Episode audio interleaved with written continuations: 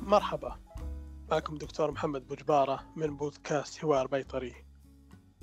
كرمت جائزة الوراعي للطبيب البيطري خمسين طبيبا وباحثا بيطريا منذ انطلاقتها في 2010 بهدف تشجيع مهنة الطب البيطري في المملكة. وجائزة المراعي للطبيب البيطري هي جائزة سنوية أطلقتها شركة المراعي حيث تبناها صاحب السمو الأمير سلطان بن محمد بن سعود الكبير تكريم الطبيب البيطري السعودي والأطباء البيطريين في دول مجلس التعاون الخليجي العربي. وتتولى إدارتها وتنفيذها الجمعية الطبية البيطرية السعودية ومقرها جامعة الملك فيصل بالأحساء. ضيفة هذه الحلقة هي أفضل طبيبة بيطرية لدول مجلس التعاون الخليجي لسنة 2020 الدكتورة سماح بنت محمود الشريف من وزارة الثروة الزراعية والسمكية وموارد المياه بسلطنة عمان. مرحبا فيك يا دكتورة سماح.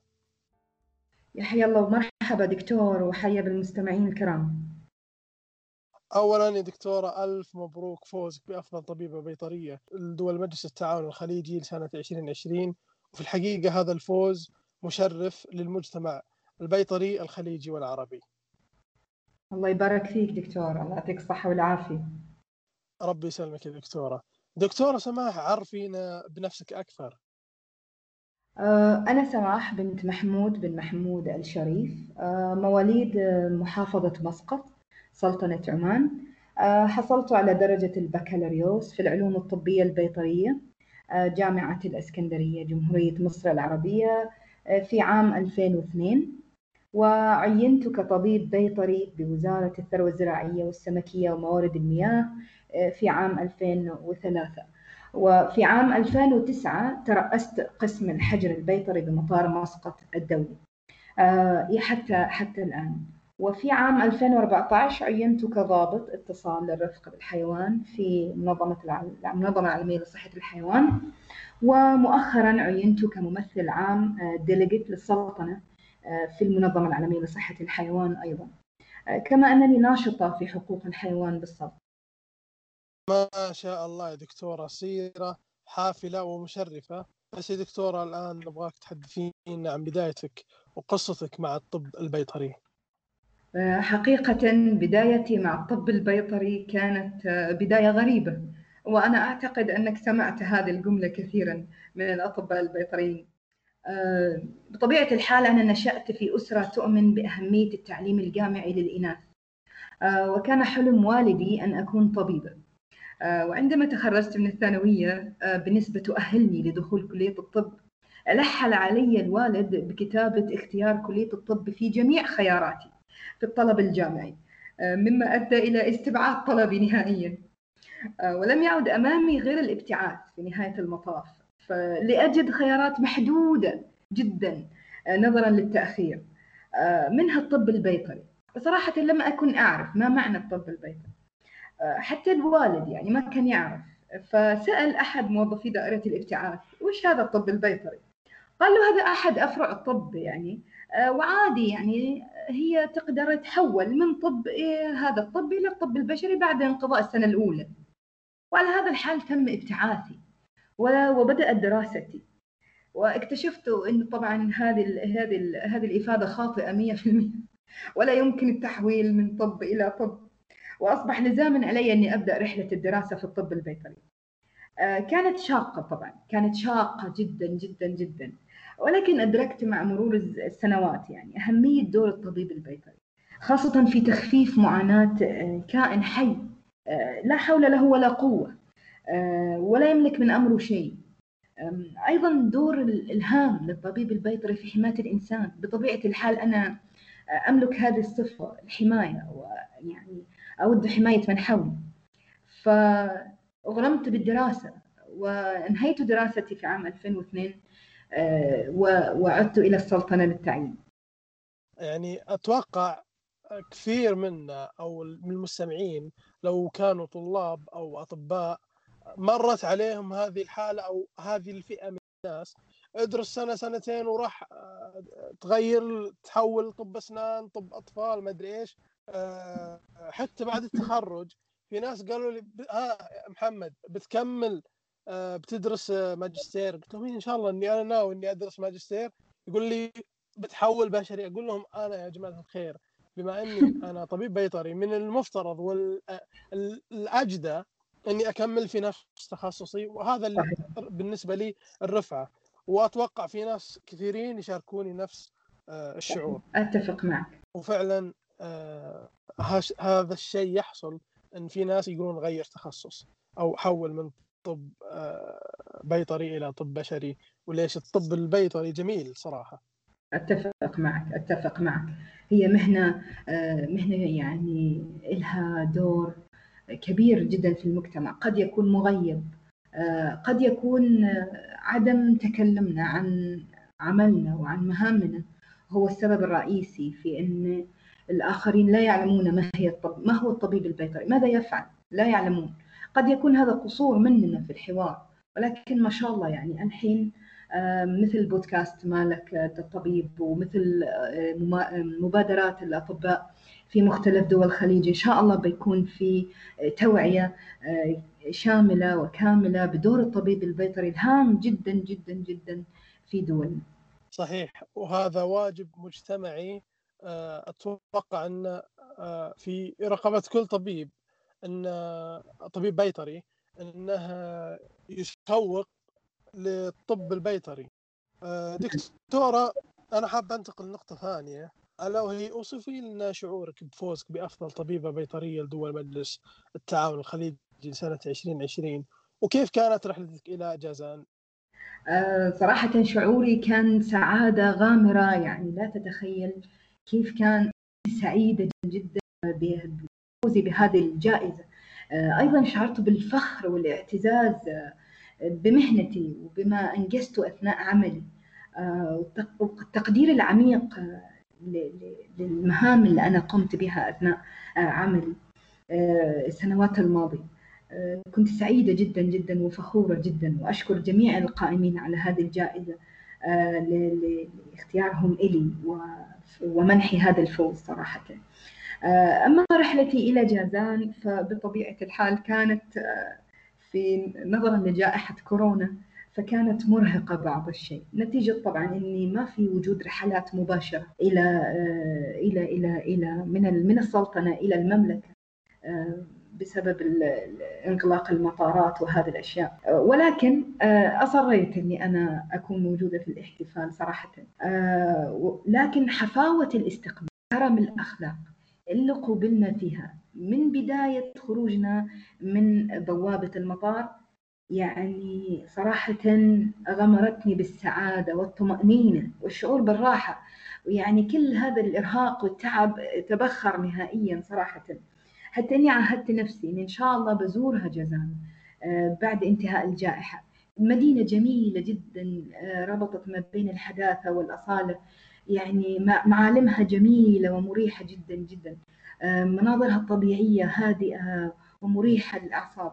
أكيد إن شاء الله إني بزورها إن شاء الله بعد انتهاء الجائحة. إن شاء الله فعلا منطقة جازان منطقة مميزة حتى جغرافيا وجميلة ودائما أصلا توصلنا آه، ونشوف صور في جوجل وغيرها عن منطقة جازان. ونحن أيضا يا دكتورة بالمناسبة سعداء بوجود آه، أطباء وطبيبات مثلكم آه، يعني من الناس الملهمين واصحاب الأفكار خلينا نقول الفريدة هم هكذا أصحاب جائزه المراعي. الله يعطيك العافية دكتور ما تقصر. دكتورة سماح سعادتك ضابط اتصال الرفق بالحيوان في السلطنة لدى منظمة صحة الحيوان العالمية. مفهوم الرفق بالحيوان قد يكون محدود لدى البعض. ممكن توضحين وش هي حقوق الحيوان في الشحن البحري والجوي والبري وكذلك في المحاجر؟ نعم. نعم. نعم هو بالفعل دكتور مفهوم حقوق الحيوان أو الرفق بالحيوان مبهم بعض الشيء. لدرجة أن البعض يقولون رفق بالإنسان يعني وهذه الأشياء. ولكن مفهوم الحقوق الحيوان بسيطة جدا. تتلخص في خمس حريات. هذه الخمس حريات يحتاجها الحيوان سواء في القطيع سواء عند النقل سواء أثناء السفر أو في المحاجر. آه، أو أو في أي منطقة هو موجود متواجد بها. هي إيش هذه الحريات؟ حري حقه في أن لا يجوع. حقه في أن لا يتألم. حقه في أن لا يخاف. حقه في أن لا ينزع. حقه في التعبير بحرية يعني لا غير المقصود بحقوق الحيوان المساوي لحقوق الإنسان. ليس ليس هذا الأساس. يعني هي هذه هي الحريات الخمس فقط. التي يحتاجها الحيوان ليعيش ولينتج ويعود بثمار إنتاجه للإنسان. فتوفر هذه الحريات خلال التعامل مع الحيوان أساسي وعدم توفرها يصيبه بالتوتر. هذا التوتر آه، يسبب يعرضه للإصابة الإصابة بالإصابات الكسور أو الجروح أو الأمراض. نتيجة نقص المناعة لأنه متوتر وبالتالي خسائر للإنسان خسائر اقتصادية. كبيرة جدا وأيضا تقل جودة المنتجات اللي بيعطيها هذا الحيوان. إذا في النهاية هذه الحريات إذا أعطيت للحيوان بتعود بمنافعها على الإنسان أيضا. فهي هذه بشكل مبسط جدا يعني حقوق الحيوان. بالفعل دكتورة سماح آه، ربما يجهل الكثير ولكن ال stress آه، أو فقدان هذه الحقوق آه، مثل ما تفضلت يعود بأمراض مثلا خلينا نقول هذا الشيء ممكن يؤدي إلى ضعف المناعة أو يسبب نعم. immunosuppression وبالتالي نعم. هذا في أبسط أبسط الحالات يعني تمام نعم. ويسبب نعم. أمراض ومشاكل فبالفعل نعم. إنها شيء مهم وغاية في الأهمية أيضا.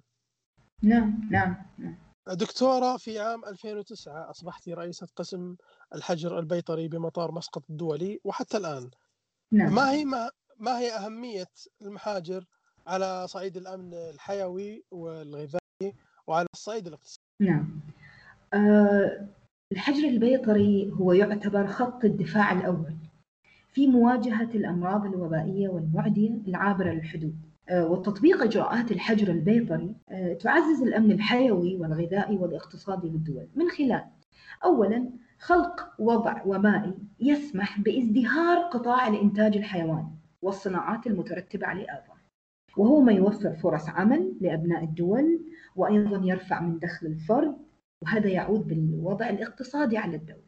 أيضا استقرار الوضع الوبائي للدولة يعزز من اكتفاء السوق المحلي بالمنتجات في دفع عجلة التصدير أيضا. آه لذا فإن إجراءات الحجر البيطري آه يعني أساسية في الاستابيليتي آه يعني أن الوضع الاقتصادي يكون مستقر للدولة. أيضا فإن إجراءات الحجر البيطري تمنع دخول الأمراض الوبائية والمعدية التي ترهق كاهل الدول للتخلص منها على الصعيد المالي والمعنوي ونحن نعلم يعني آه، تجارب كثيرة لدول كثيرة ما زالت تعاني للتخلص من الأمراض الوبائية التي دخلت عبر منافذها وعبر محاجرها وتصرف ملايين ومليارات الدولارات والباوندات للتخلص منها وهذا يرهق الكاهل الدول ويؤثر على وضعها الاقتصادي بالإضافة يتم حظر هذه الدول ولا وتمنع من التصدير وبالتالي يصبح عندها آه، مشكلة كبيرة جدا على على المدى الطويل فالحجر البيطري أساسي لاستقرار وتعزيز الأمن الحيوي والغذائي والاقتصادي الاقتصادي في الدول. جميل يا دكتورة. طيب آه، هل هناك يعني مواصفات ومقاييس محددة للمحاجر ولا هي عبارة عن قطعة أرض وأسوار؟ وش هي أهمية وجودها في دول مجلس التعاون الخليجي؟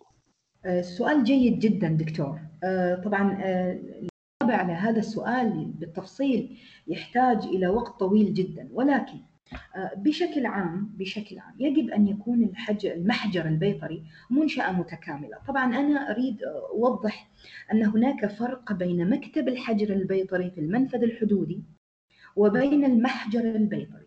المحجر البيطري آه، تم تعريفه في القانون الموحد لدول مجلس التعاون بأنه منشأة يتم عزل الحيوانات آه، بها فهو يجب أن يكون منشأة وليس مجرد قطعة مسورة آه، أو لا يوجد بها إمكانيات أو كذا. لا بالعكس.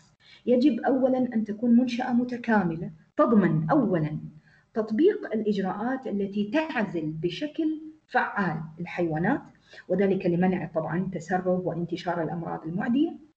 ثانيا حماية العاملين في المحجر البيطري من العدوى بالأمراض المشتركة بين الإنسان والحيوان. لضمان هذه النقاط يجب أن تكون أدق تفاصيل المحجر قد تم دراستها بدقة عالية جدا. من بداية اختيار الموقع بحيث يكون بعيدا عن المجمعات السكنية وقطعان الحيوانات الحية في نفس الوقت أن يكون متصل بشبكات الطرق المؤدية إلى المنافذ الحدودية. تصميم المنشأة أيضا يجب أن يسمح بعزل الحيوانات بشكل تام. ويوفر رفاهية الحيوانات من خلال الحريات الخمس اللي تحدثت عنها. أيضا أن يتوفر فيه كافة المعدات والأجهزة آه، والأدوات اللازمة لإنجاز المهام المهام العاملين في هذا المحجر أيضا انتقاء وتدريب العاملين بالمحجر بما يتناسب مع مهامهم الوظيفية. آه، هذا هذه الأشياء أو النقاط بشكل يعني عام جدا يجب أن تتوفر في المحجر البيطري. آه، أهميته في دول الخليج أيضا هو طبعا شيء هام وجود المحجر يعزز من مثل ما نحن مثل ما تفضلت أنا قبل إنه يعزز من الأمن الحيوي، الأمن الاقتصادي، الأمن الغذائي، آه، يمنع تسرب الأمراض المعدية والوبائية العابرة للحدود إلى الدول، آه، يعني وجوده هام جدا ولكن أن يكون وجوده فعال. آه، ولا أن يكون وجوده مجرد مثل ما تفضلت قطعة أرض مصورة. فهذا لا يؤدي الغرض المطلوب. أن يكون موجود بشكل فعال. هذا هو المهم.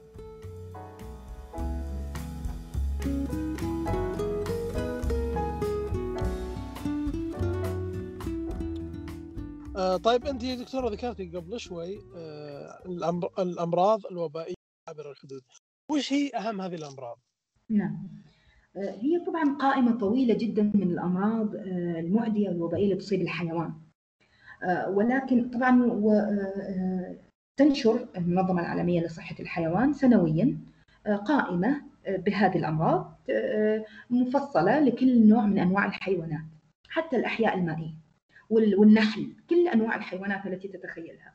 ولكن فيما يخص الحيوانات من وجهة نظر المنطقة منطقة دول الخليج فهو مرض حمى الوادي المتصدع الحمى القلاعيه البروسيلا فيما يخص بالأنواع أو السب سب اللي ما موجودة في الدولة هي الأمراض التي تحتل مقدمة هذه القائمة بالنسبة لدول الخليج. ويتم اتخاذ جميع الاحتياطات لضمان عدم تسربها إلى دولنا. الحجر آه، آه، يقصد به الحجز بشكل عام وهو يسري على أي إرسالية حيوانية وأقصد بإرسالية حيوانية سواء كانت حيوانات حية برية مستأنسة أحياء مائية منتجات حيوانية بالإضافة إلى حتى المخلفات الحيوانية أي إرسالية حيوانية آه، ترد إلى منافذ الدولة الحدودية ويكون فيها شك أو عدم تطابق أو عدم استيفاء لأي من الاشتراطات الاستيراد يتم حجزها مباشرة. حتى يتم التأكد من خلوها من أي أمراض آه، معدية أو وبائية أو حتى عابرة الحدود أو حتى أمراض قد تنتقل للإنسان أمراض المشتركة حتى يتم التأكد من خلوها والإفساح عنها أو إتلافها أو إعادتها إلى دولة المنشأ أو دولة التصدير. يعطيك العافية دكتورة سماح على شرحك الوافي. آه، دكتورة سماح بحكم عملك في المحاجر وش هي العلوم والمهارات البيطرية آه، اللي يجب أن يلم أو يلم بها الطبيب البيطري الراغب بدخول هذا المجال؟ نعم. مجال الحجر البيطري هو مجال رقابي. الطبيب البيطري قد يعمل في المجال العلاجي والوقائي أو في المجال الرقابي. فالعمل في المجال الرقابي وهي المحاجر البيطرية يجب أن يكون ملم بالأمراض المستوطنة للدولة التي يعمل فيها. أيضا بالأمراض العابرة للحدود التي يتم التأكيد عليها في المنظمة العالمية وأيضا تنشر في مركز الإنذار المبكر الخليجي. آه، أيضا أن يكون على دراية بكيفية الكشف عن هذه الأمراض أو أعراض هذه الأمراض في الحيوانات الحية أو في المنتجات من لحوم وغيره. حتى في المخلفات. يجب أن يكون عال يعني على دراية تامة بكيفية الكشف عن وجود أعراض لهذه الحيوانات في هذه الإرساليات. أيضا يجب أن يكون ملما طبعا بالقوانين والتشريعات الموجودة بالدولة. بالإضافة لشيء هام جدا أنا دائما أركز عليه. أن يؤمن إيمان تام بأن الدور اللي يقوم فيه هو حماية لأهله ووطنه من المخاطر والأمراض. يعتبر نفسه كأنه مرابط على الجبهة لحمايتهم والذود عنهم. إذا آمن بهذا الشيء فلن يجد أي مشقة أو تعب في أداء عمله أبدا. يعني نختصر بقولك يا دكتورة أن لا يجب أن يكون حس المسؤولية حاضر في آه، الطبيب الذي يعمل في المحاجر صحيح؟ نعم نعم جميل يا دكتورة طيب أنا يا دكتور راح أنتقل من العمل المهني أو الجانب المهني أو راح أرجع للجانب الشخصي دكتورة في سلطنة عمان كونك امرأة طبيبة بيطرية هل كانت نظرة المجتمع مشجعة ومحفزة ولها تأثير إيجابي أو لا؟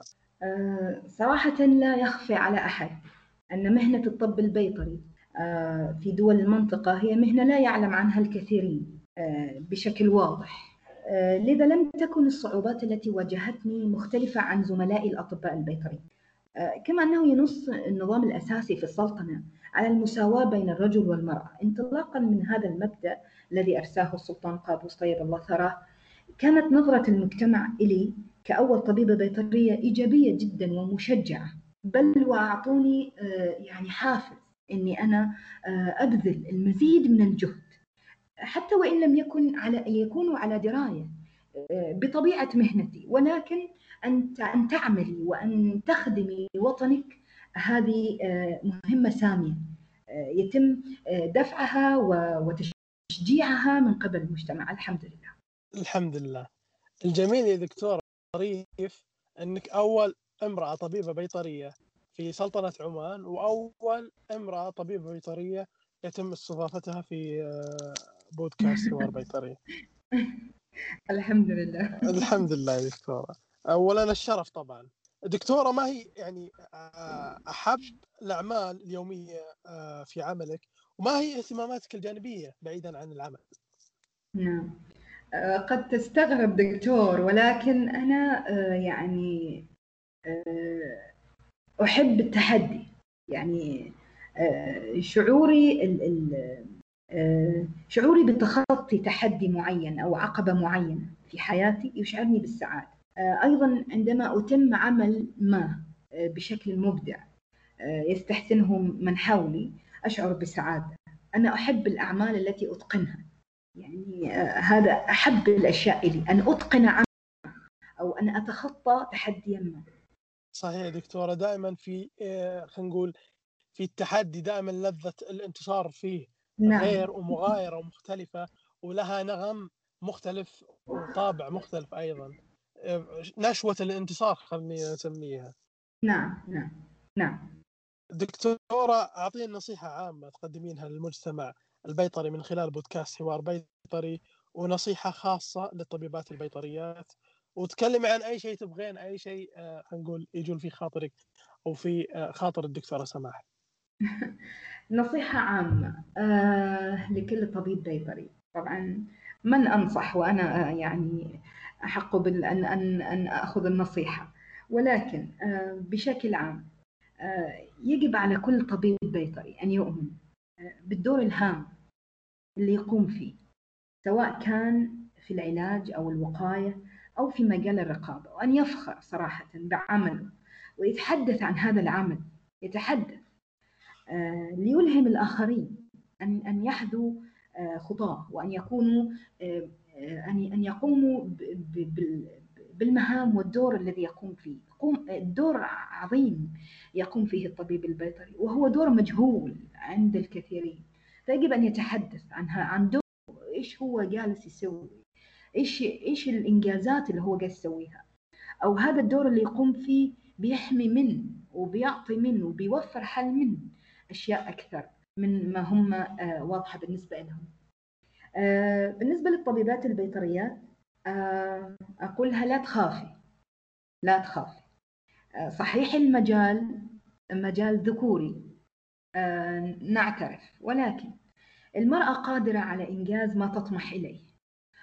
وقد يعني تم تطوير العديد من الأجهزة والمعدات اللي تسمح للمرأة بدخول أي مجال ذكوري. أنا ما راح أقول إن المرأة قادرة أن تتغلب على مجال ذكوري هذا غير منطقي. ولكن في الحداثة وفي التقدم وفي العصر الحديث تم استحداث واختراع أجهزة ومعدات تسهل العمل سواء للرجل أو المرأة وبالتالي المجال لم يعد صعبا. الأمر لم يعد صعبا كما كان. فلا تخافي المرأة قادرة على أداء كل المهام المنوطة بها ويكفيها فخرا أن تضيف رفعة إلى رفعتها بدخولها مجال الطب البيطري. يعطيك العافية دكتور سماح. وأنا أتمنى من الأخوات طبيبات المستقبل أنهم يأخذوا يأخذونك كقدوة ويحذون حذوك وأنهم يكونون يعني يشغلون مكان وحيز في ساحة الطب البيطري. فعلا أنا أشجع وأدعم السيدات الطبيبات المستقبل أنهم يشدون حيلهم ويكونون لهم اسم في هذا التخصص العظيم. بالفعل دكتور بالفعل بالفعل. دكتورة سماح شكرا لك لحضورك معنا وشكرا لأنك أعطيتنا المجال أنك أن نشاركك فرحة الفوز وأعطانا هذا الجزء من وقتك يا دكتورة. شكرا لك. تشريف دكتور الله يعطيك الصحة والعافية. ما تقصر تشريف. وفي الختام شكرا لكم أنتم أيضا أعزائي المستمعين في سعه الله.